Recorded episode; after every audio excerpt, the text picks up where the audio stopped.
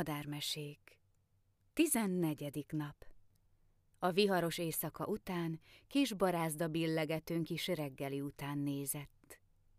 Nem volt könnyű ebben a hidegben finom rovarokat találni. Ó, de visszavágyott a táplálékban gazdag, verőfényes nyárba, amikor csak úgy hemzsegtek a csicsertó körül a finom szúnyogok, szitakötők, a legyekről nem is beszélve. Útközben megpillantott egy kertet. Gondolta, szétnéz, hát ha akad egy kis zamatos falat számára.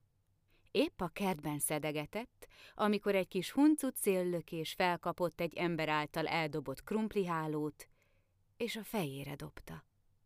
Ilyettében elkezdett csapkodni kis szárnyaival, úgy csapkodott, ahogy csak bírt, de ettől egyre jobban belegabajodott a hálóba, míg végül moccanni sem bírt. Ilyetten megállt, piegett, és bánatosan kesergett. Na szép, mondhatom. Én, aki megeszem az ember életét megkeserítő kártevőket, ezt érdemlem? Tehetetlenül áltott egymagában, amikor egyszer csak nevetést hallott a feje fölött egy faágról. hát veled mi történt, kedves rokon? kérdezte nevetgélve a holló. Belegabajodtam ebbe a hálóba, csiporogta kétségbe esetten a kis barázda billegető. Igazán segíthetnél rajtam a nevetés helyett már, ha tudsz? Én ne tudnék. Uzsonnát már csentem el, és ki is csomagoltam. Ez sem lehet sokkal nehezebb. Szállt le a pórújárt madárka mellé, és vaskos csőrével elkezdte kiszabadítani a háló fogságából. Ahogy a barázda billegető kiszabadult, már is szányra kapott volna. De jaj!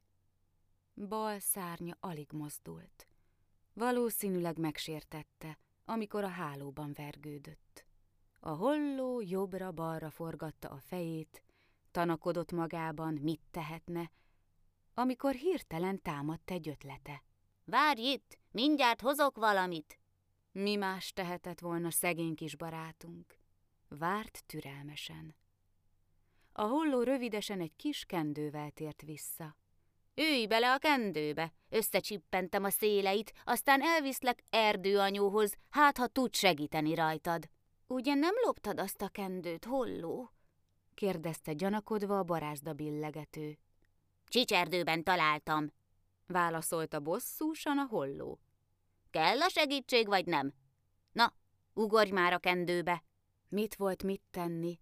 A kis barázda billegető beleszögdécselt a kendőbe, a holló pedig felkapta, és egészen csicserdőig repült vele.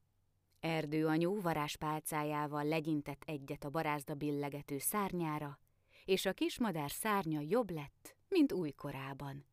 Köszönöm, erdőanyú! csipogta hálásan a madárka. Nagyon szívesen.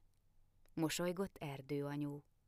Te pedig, kisbarátom, fordult a hollóhoz, Csicserdő szélén, a madáranyú kertjében találsz magadnak térre eleséget, ott mindenkinek jut bőven, nem kell a másét megdésmálnod.